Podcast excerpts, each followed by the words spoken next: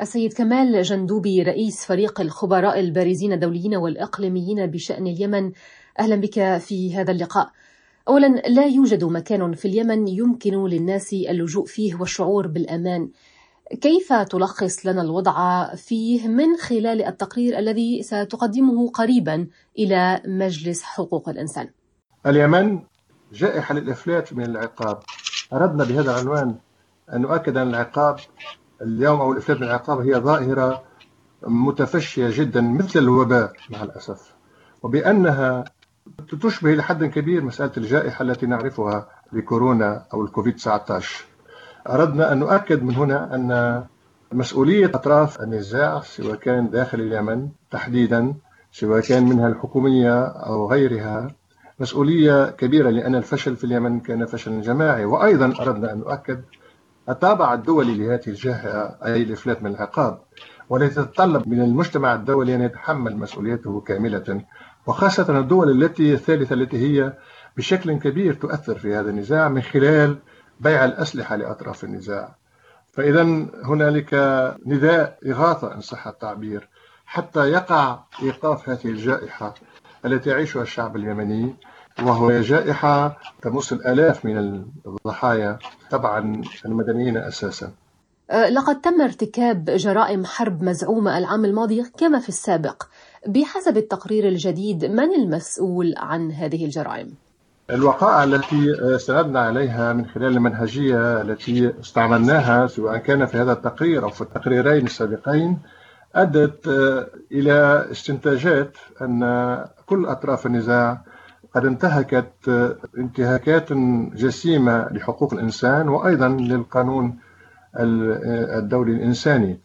وبعض هذه الانتهاكات قد ترتقي إلى جرائم حرب وحينما نقول كل أطراف النزاع نحن لا نستثني أحدا وليس هنالك تراتبية في هذه الانتهاكات. تقريرنا يشمل آه، كل أطراف النزاع بما في ذلك التحالف بقيادة السعودية والإمارات العربية وأيضا الحكومة الشرعية المعترف بها دوليا وأيضا سلطات الأمر الواقع التي تسيطر على صنعاء وعلى شمال اليمن وأيضا بما في ذلك أيضا آه، مجلس الانتقال الجنوبي الذي هو يسيطر على العديد من المناطق في جنوب اليمن. وهذه المسؤولية تلقى عليهم جميعا وهم أو عدد من الأشخاص لهذه الجماعات لهذه الأطراف هم آه، وقع حتى تدوينهم في قائمة واستنادا إلى تلك الوقائع وهذه القائمة سرية وستعطى يقع إمدادها إلى المفوض السامي لحقوق الإنسان. ما هي مسؤولية المجتمع الدولي والدول الكبرى المهتمة بالصراع في اليمن؟ أنا أشير هنا إلى الأسلحة التي يتم إرسالها إلى اليمن. المجتمع الدولي باعتباره إن صح التعبير شريك لهذا الوضع في اليمن له مسؤولية كبيرة لأنه لا يمكن لهذا النزاع أن يوقف هذا السيل الكبير من الضحايا إلا بالإجبار أو بالضغط على أطراف النزاع بأن توقف حالة الحرب. هذا دور المجتمع الأولي والدولي وهذا الدور أيضا بصورة خاصة هو ملقى على عدد من البلدان المؤثرة في هذا في هذا النزاع. الولايات المتحدة طبعا وأيضا إيران من الجانب الثاني وبريطانيا وفرنسا والعديد من الدول الغربية. هذا التأثير يأتي أيضا من خلال الكف عن بيع الأسلحة لأطراف النزاع.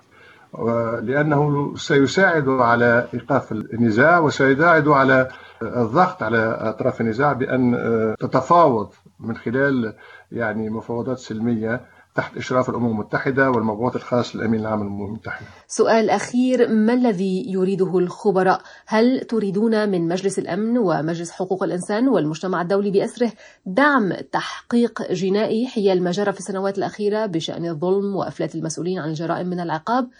ما الذي تطلبونه بالضبط؟ إحالة الوضع آه، في اليمن إلى المحكمة الجنائية الدولية وتوسيع قائمة الأشخاص الخاضعين لعقوبات مجلس الأمن هي إحدى التوصيات التي قام بها الفريق باعتبار أن آه، يجب أن تكون المساءلة هي العنوان الكبير للمرحلة القادمة نظرا لأن العديد من الجرائم التي اقترفت آه، كان لابد أن يقع إيقافها. وعلاوة على أن المساءلة هي إحدى العناصر التي ستساعد إلى عملية السلام وتساعد أيضا عملية إعادة البناء في اليمن. المساءلة خاصة فيما يتعلق بأخطر الجرائم وهذه من صلاحيات مجلس الأمن الذي نتوجه إليه بهذه التوصية. شكرا السيد كمال جندوبي على هذه المعلومات. شكرا جزيلا.